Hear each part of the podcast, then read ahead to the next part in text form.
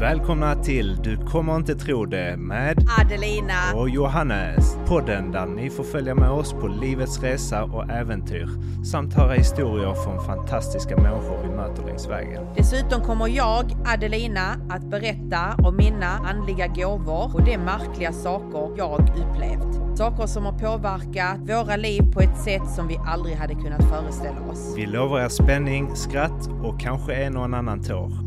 Så häng med nu, för nu kör vi!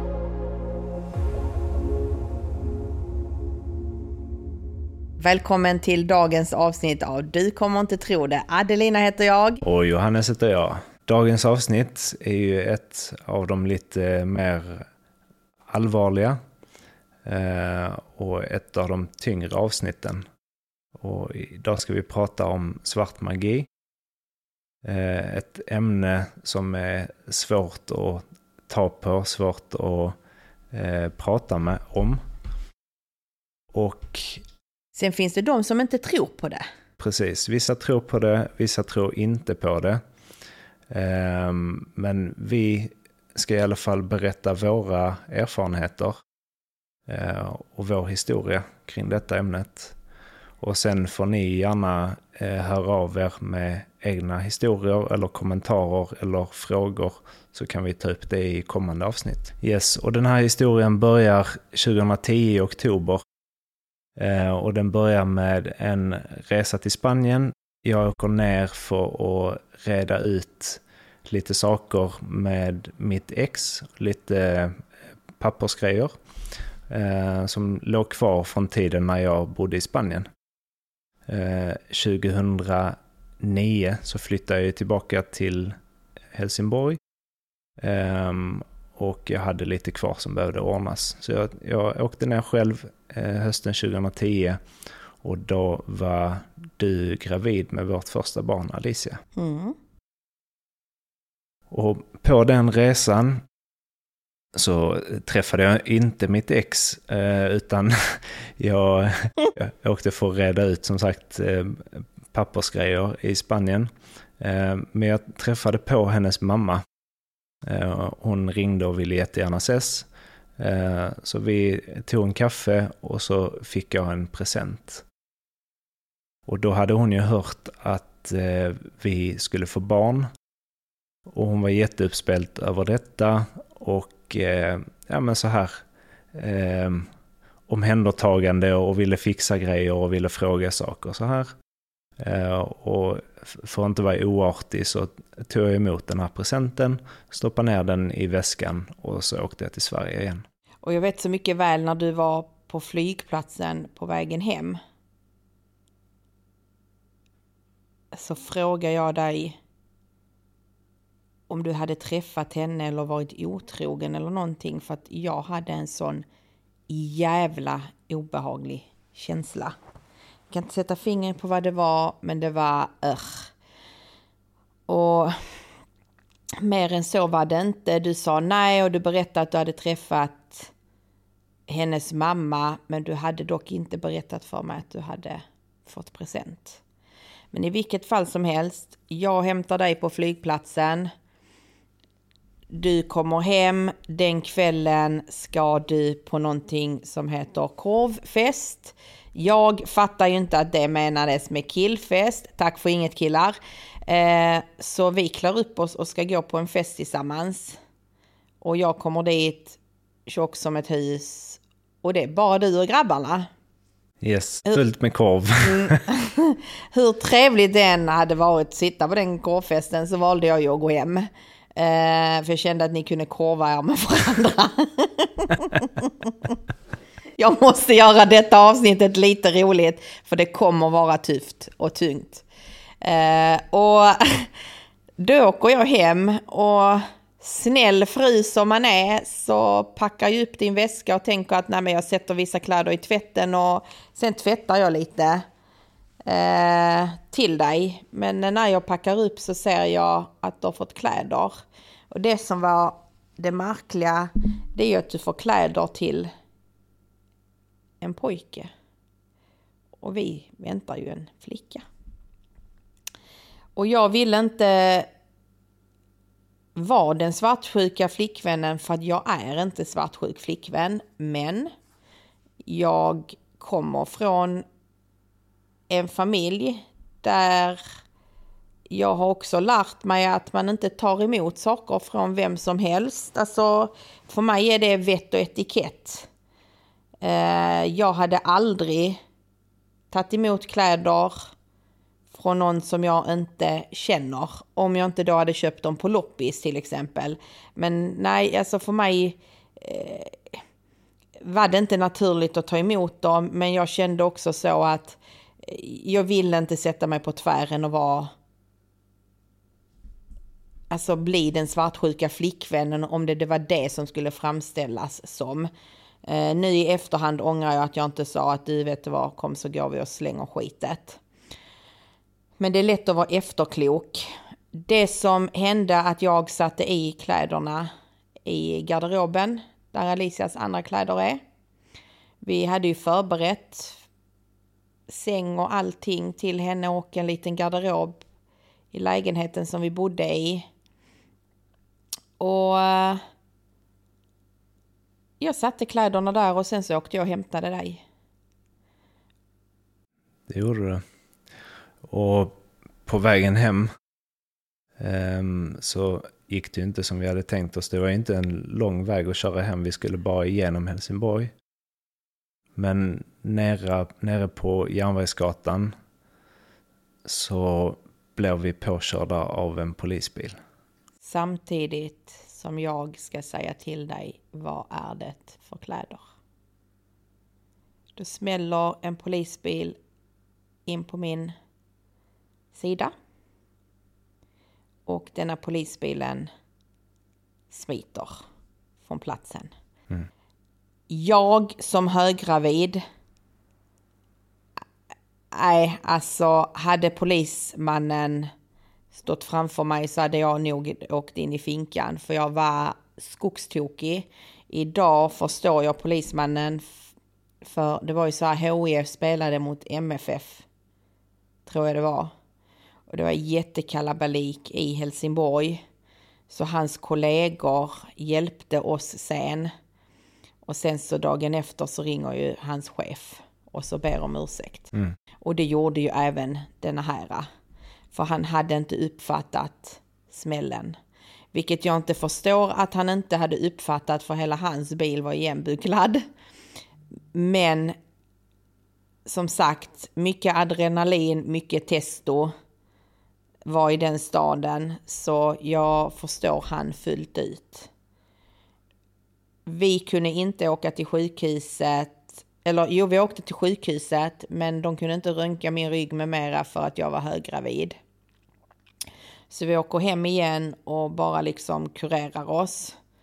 Och då pratar vi om dessa kläderna.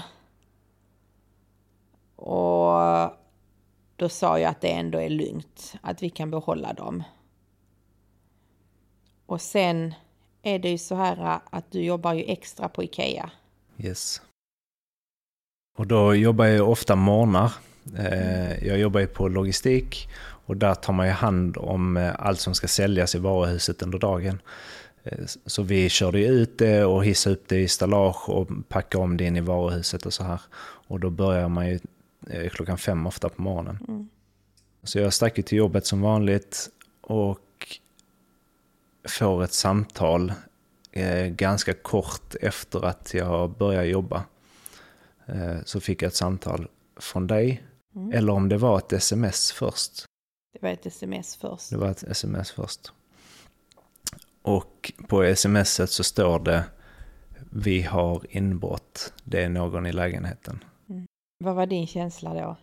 Eh, ja, det var ju panik. Vi det... har inte pratat om det på detta sättet, så detta ska Nej. bli jätte... Eh, det var ju panik, det, det var ju maktlöshet att jag var där ganska långt hemifrån. Jag visste att du var hemma själv, att du var gravid. Och jag kände ju den här liksom, viljan att lösa problemet direkt, men jag visste, visste inte riktigt hur. Mm. Um, och då fick jag ju en idé uh, och så skrev jag till dig tillbaka. Uh, jag ringer upp nu.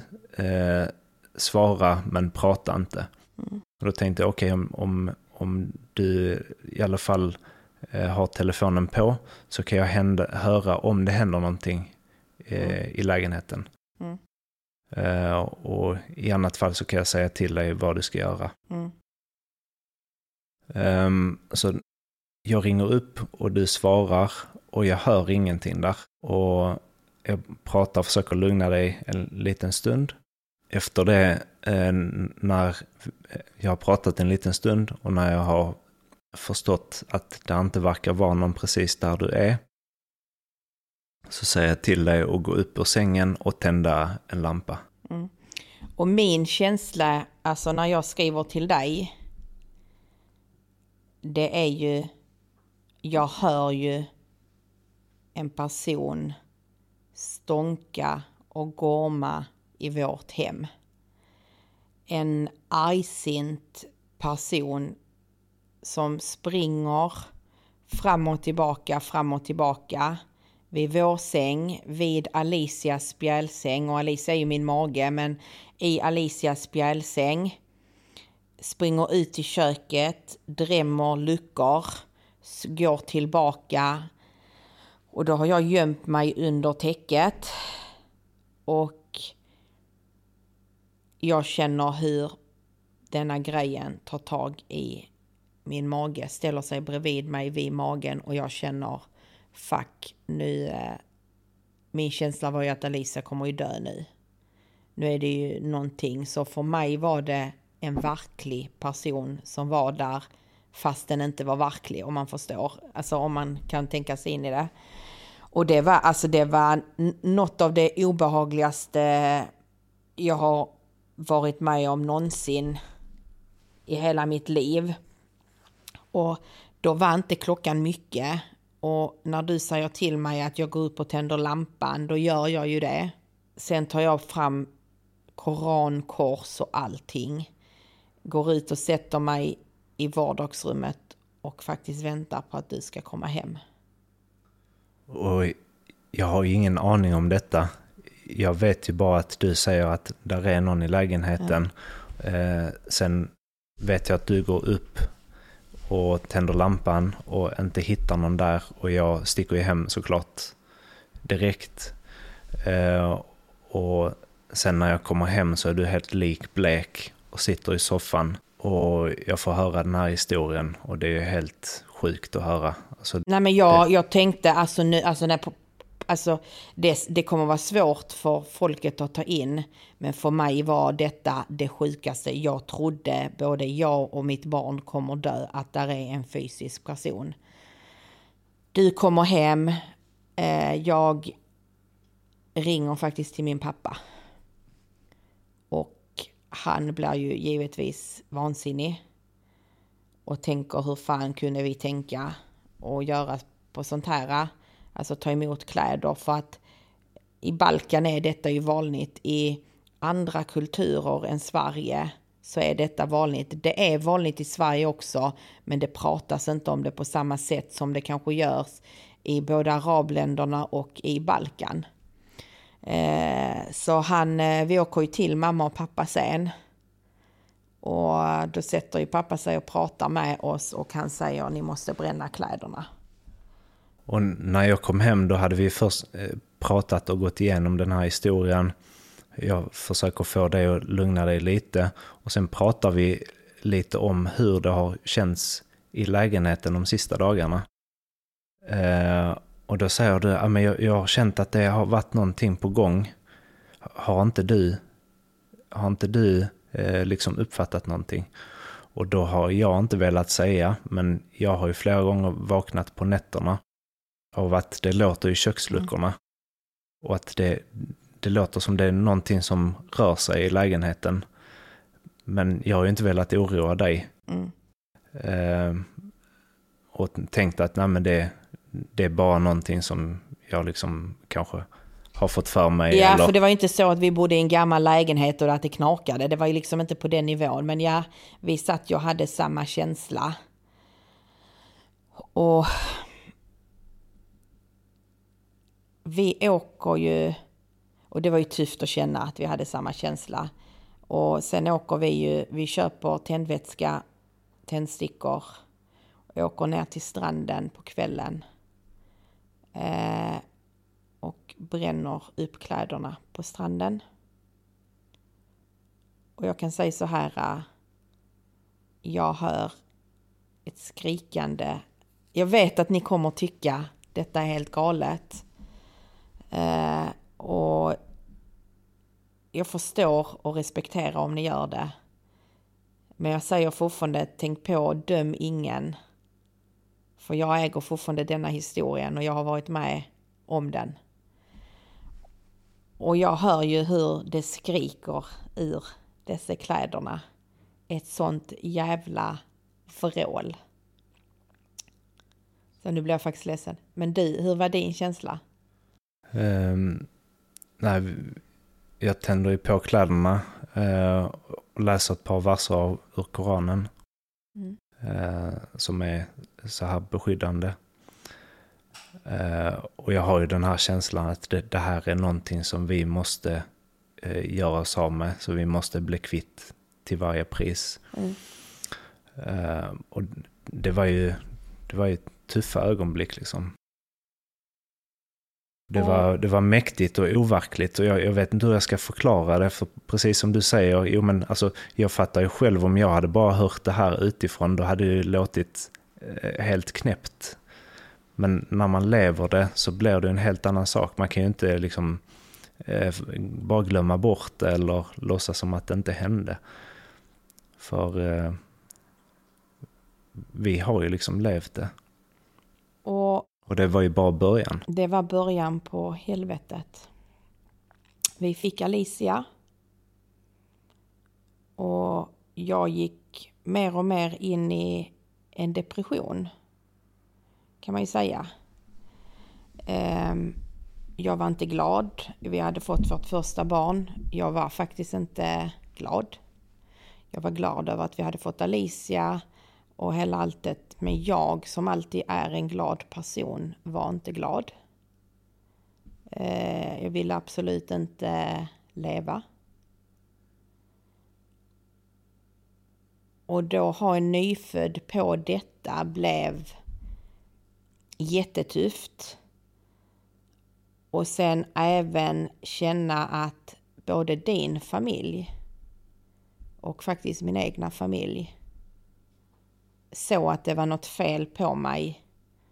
Och det enda de... Jag vet att detta är en välmening från dem. Så jag vill absolut inte att de ska känna något illa. Men de ville ju bara ställa en diagnos på mig. De, de ville ju hitta en förklaring de ville hitta en förklaring, vad som var fel. För och, vi visste inte förklaringen. Nej, och man, alltså, man kan ju fatta det i efterhand. Vi ville också ha en förklaring. Vi ville bara att allting skulle bli bra. Och det... Alltså, jag och din styvmamma pratar mycket om ADHD. Min lilla syra kom ett jävla papper till mig och jag fattar att det var hennes välmening. Men just då så kände jag bara så, ni alla kan dra åt helvete för min största utmaning är att jag inte går och hoppar. Och den pratar inte jag ju om. Och... Eh, och det var ju tufft och i, i detta ögonblicket som liksom ska det vara det lyckligaste i världen Eh, man precis har fått sitt första barn. Jag var ju liksom så uppe i det här att vi eh, skulle få barn och precis när vi hade eh, fått Alicia och då allting som skulle fixas och ta hand om henne. Och att säga att du inte mådde bra och inte hittade liksom glädjen i livet i det ögonblicket. Det var sjukt tufft. Mm. Så då beslutade vi oss för att jag skulle faktiskt ta kontakt med en läkare. För givetvis trodde jag som alla andra att detta kanske är en förlossningsdepression eller att jag faktiskt har en diagnos. För att jag kände ju att något är ju gravt. Alltså det, något var ju fel. Jag kan inte må så här. Eh, och då hittar jag ju en läkare som skriver ut antidepp till mig. Och denna fantastiska läkare förstår min ironi. skriver ju ut antidepp ett år i taget till mig utan uppföljning. Jag ger dig en fucking high five och hoppas att du ser detta och att du tänker till att man kanske ska ha en återkoppling på sina patienter. För dessa antidepp gjorde mig ännu värre. Och jag, jag kan ju känna så här i efterhand att jag önskar ju att jag hade kunnat, vad ska man säga, identifiera detta eh, bättre eller eh, se tecknen bättre att du kanske inte blev bättre av medicinen eller hittat en annan lösning eller någonting. Ehm, men i det stadiet så var jag ju redan så dränerad mm.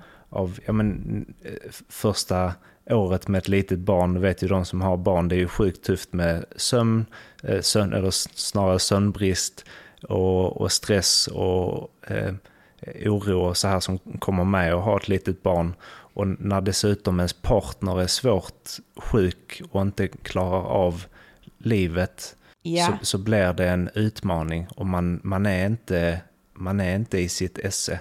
Och detta första året var ju inte bara psykiskt. Vi får inte glömma att efter förlossningen så domnar ju mina ben av.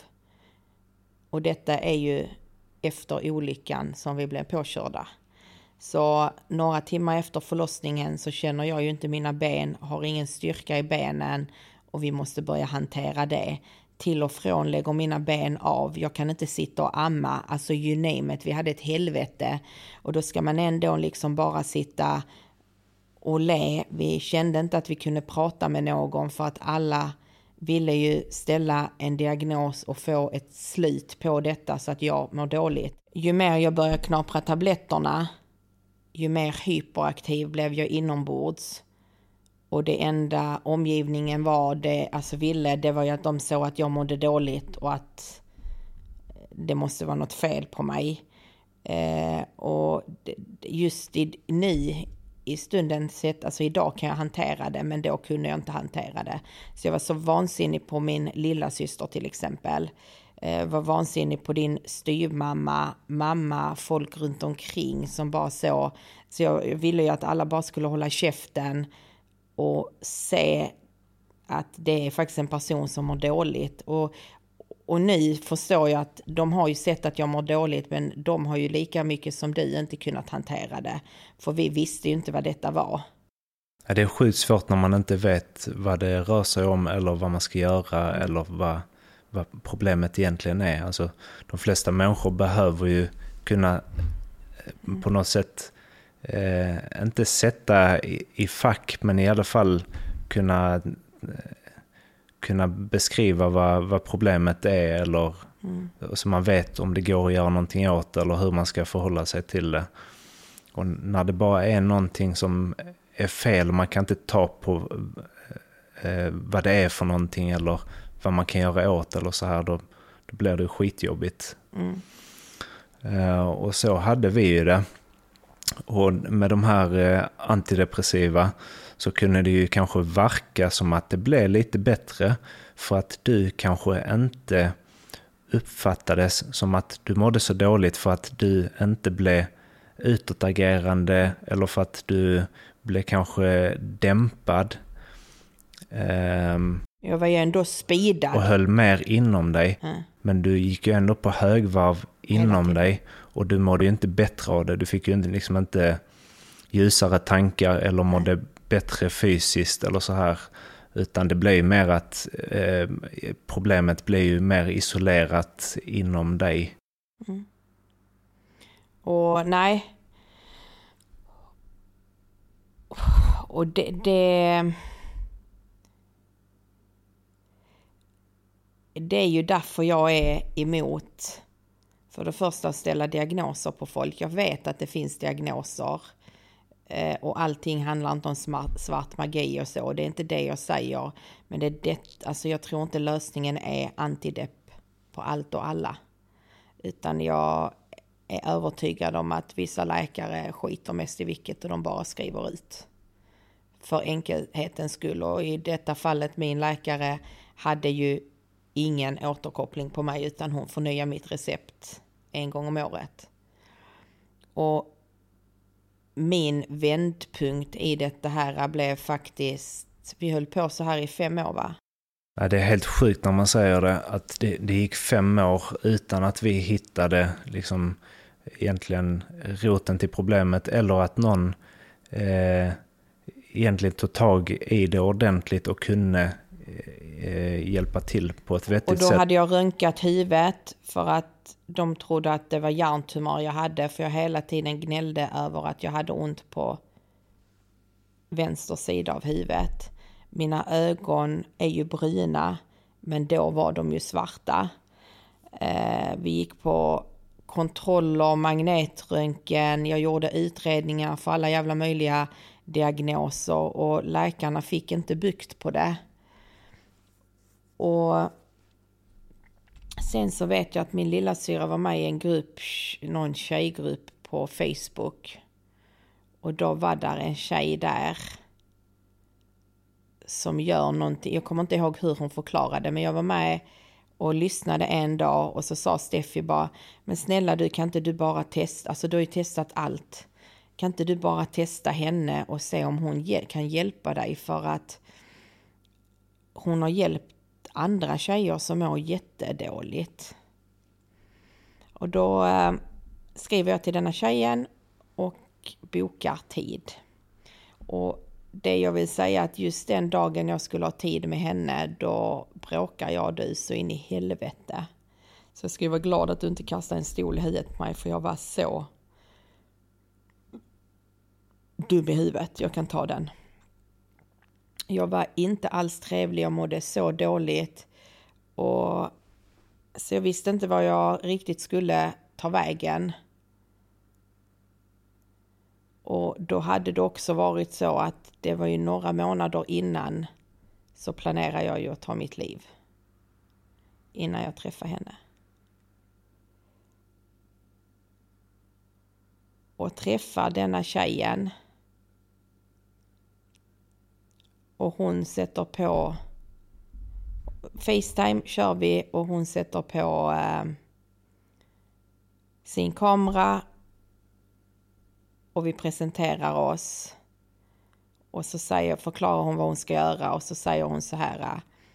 Eh, jag säger inte att du ska bli muslim, men jag är muslim. Eh,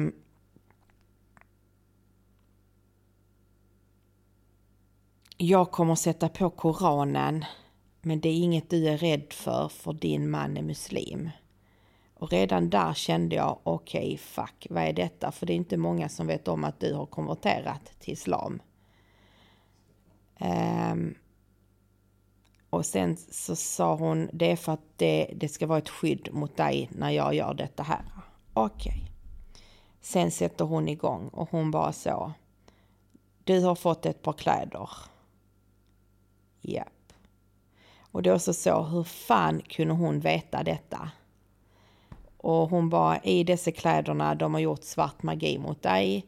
Eh, de har gjort en förtrollning som ska göra att du blir knäpp och att du får så ont i ditt huvud och kroppen så att du vill ta ditt liv. Och det är du inte ovan med för att du tänkte ändå ta ditt liv för ett tag sedan. Hon visste alla de grejerna som jag all, vi hade aldrig, alltså vi hade aldrig pratat med våra vänner om detta. Min lillasyrra och hennes kille visste om det, för då ringde, då när jag ville hoppa framför tåget, då ringde vi ju till dem och sa nu behöver vi få hjälp. Och då var faktiskt Fredrik den som pushade till att sluta med dessa tabletterna. Så hon här eh, visste för mycket. För att jag inte skulle tro det. Och då sa hon till mig att de hade gjort, du kan förklara detta mera för att du mm, det kan jag. kan det mer än vad jag kan det så. Så för det första, tack eh, Fredde och Steffi som stöttade mm. där när det var tufft. Eh, och hjälpte till så att du började trappa ner medicinerna. Mm. Sen i, i detta ska man komma ihåg att den här tjejen, hon kommer inte från samma stad som oss. Um, hon känner inte din syster. Nej. Och ni har ju aldrig eh, haft varandra på Facebook eller haft gemensamma vänner eller någonting liknande. Så, så det är inte så att hon hade kunnat eh, lista ut de här grejerna på en halvtimme och förberett det innan samtalet. Nej. Det är det första man tänker, det var det första som jag också tänkte. Jag försökte ju hitta eh, liksom, eh, anledningar eller eh, sätt som hon skulle kunna ha fått en del av den här informationen i förväg. Liksom. Mm. Eh, men i vilket fall så sa hon ju att de har gjort någonting för att påverka eh, något i ditt inre, som på arabiska heter karin, som är det som eh, kontrollerar eh, rätt och fel. Man brukar prata om en ängel och en djävul på axeln, det, det som är en, ens samvete, det som eh, vi har som är inbyggt som eh, kontrollerar eh, mm som gör att man, man vet vad som är, är bra och dåligt och att man ofta följer det som man känner är bra.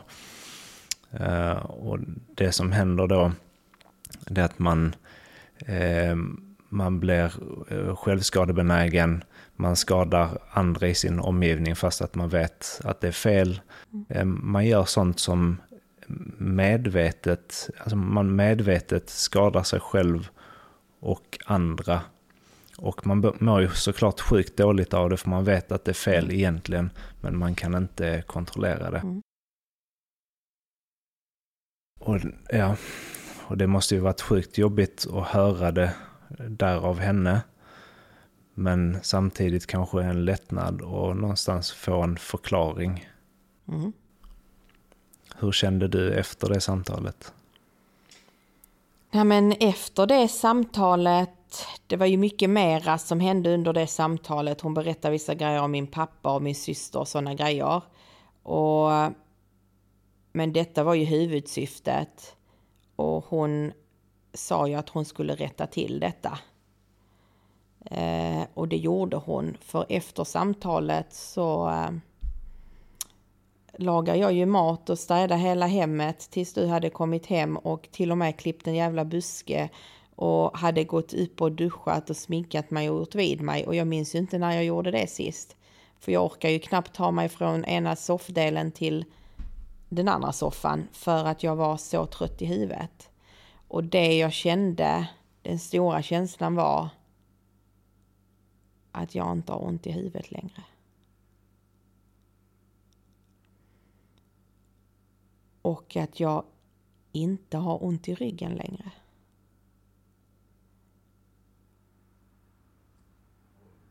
Vi ska berätta mer om ryggen, ryggen strax, sen. tycker jag. Ja. Um, men... men framförallt huvudet. Och det är också så galet. Jag träffar några kompisar, vänner till oss.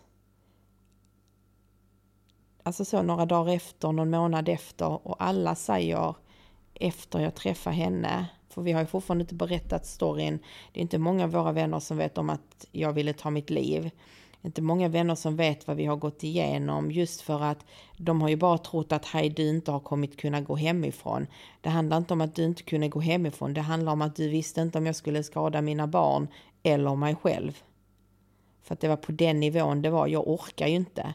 Jag ville ju inte. Jag var bara så trött och ville att alla skulle låta mig vara. För att det jag mådde inte hundra. Och alla vi har träffat som har sett mig under den tiden jag mått dåligt, alla säger ju en och samma sak. Shit, dina ögon är inte svarta längre. Och det blev för mig en jätte wake-up call. Mitt huvud är fortfarande trött än idag efter allt detta. Men jag mår ju så mycket bättre. Och för min del så var det att jag lämnade dig på morgonen, alltså i ett skick där jag inte visste vad jag skulle komma hem till. Um, alltså, du var ju liksom helt, helt omöjlig. Alltså, vi bara Nej, men jag kunde lika gärna gått och hoppat du, där. Alltså, du, du var ju så otrevlig, alltså vi bråkar ju på, på ett sätt som jag inte önskar att något par bråkar. Eh, och skrek på varandra. Och, eh, så jag förväntar mig att komma hem till att vi är ovänner i alla fall. Även om vi inte står och skriker på varandra så förväntar Mm. jag mig ändå att komma hem till att du är sur över något som har hänt eller att du är på dåligt humör. Eh, Och istället så kommer jag hem och du bara skiner. Och jag fattar liksom inte vad som har hänt och jag ser att du har städat och du är glad och du frågar hur dagen har varit och du är liksom så här på topp som jag inte har sett dig på så många år. Och du bara, hej vad fan har du tagit? Ja, ehm, och jag fattar ingenting. Eh, och sen sätter vi oss ner och, och så berättar du om detta.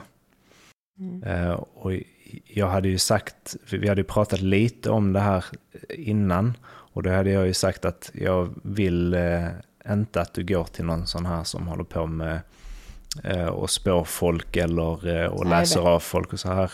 Eh, för att antingen så är det trams och då förlorar man sina pengar på ingenting. Eller så är det på riktigt och då är det ingenting som är bra för det mesta. Alltså Mm. man får oftast eh, någonting dåligt på köpet. Och det behöver inte vi i vårt Mm. liv. Ehm, men i vilket fall så här i efterhand så är jag ju glad att du gjorde det i alla fall. Mm. Eh, och den här tjejen har vi ju träffat efter det här. Och jag är ju tacksam att hon har eh, tagit sin tid och Mm. hjälpt till med det hon kan. Mm. Ehm, sen är det ju också ett kvitto på att ehm, hon faktiskt har gjort någonting av välmening. Att hon inte vill eh, ta betalt, att hon inte vill eh, boka upp fler sessions där, du, där hon ska hjälpa dig med det ena, med det tredje och hit och dit. Och att hon eh, faktiskt erkänner att hon kan ta reda på vissa saker, hon kan hjälpa till med vissa saker, men ehm, den stora, hon sa ju det som avslutning, att ehm, härifrån så måste du söka din egen väg Mm. och eh, det enda stora skyddet eh, i världen finns hos Gud. Mm. Ehm, jag kan inte hjälpa dig mer härifrån. Ja, och här var det också för mig som, alltså så, du är ju troende muslim. Hon var ju troende muslim.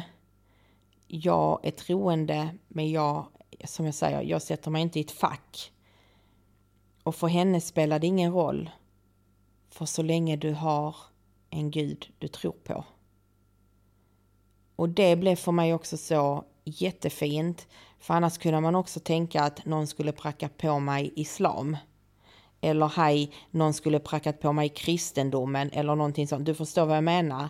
Så för mig blev det också så, det blev lätt. Nu lyssnar vi ju på Koranen innan vi går och lägger oss och sådana grejer. Men jag har ju inte sagt att jag är troende muslim. Jag är troende, absolut. Men jag behöver inte säga att jag är troende muslim för att där finns en gud som skyddar mig. Sen för den det, det, det kommer visa sig på vägen vilken religion det som jag kommer som är rätt för mig. I vilket fall, efter det här eh, så har det ju inte varit en spikrak väg. Nej, Men det, alltså det var ju som en 100 kilos ryggsäck som du släppte. Mm. Eh, och precis som du berättade, eh, många människor som vi har träffat, även sådana som vi inte träffar så ofta, har ju nämnt att det är någonting som har förändrats hos dig. Dina ögon är annorlunda.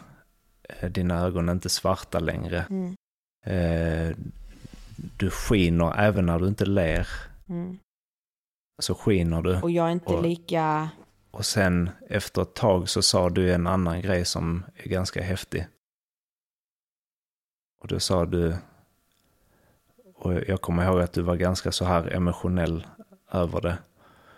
Du sa gräset är grönt. Ja.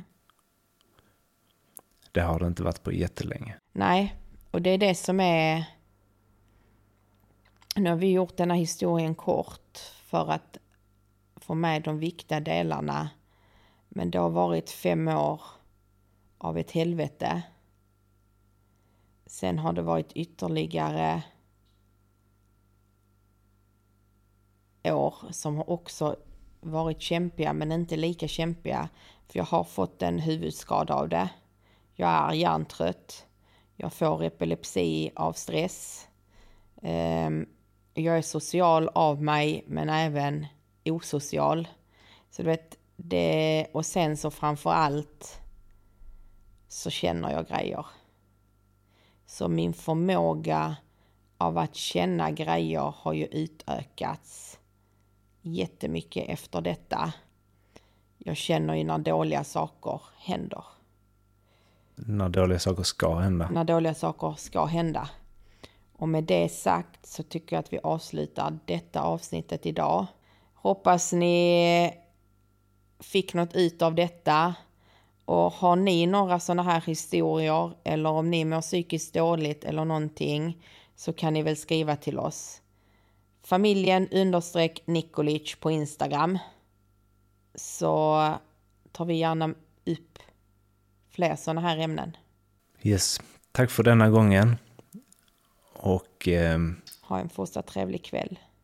så hörs vi om en vecka. Ha det!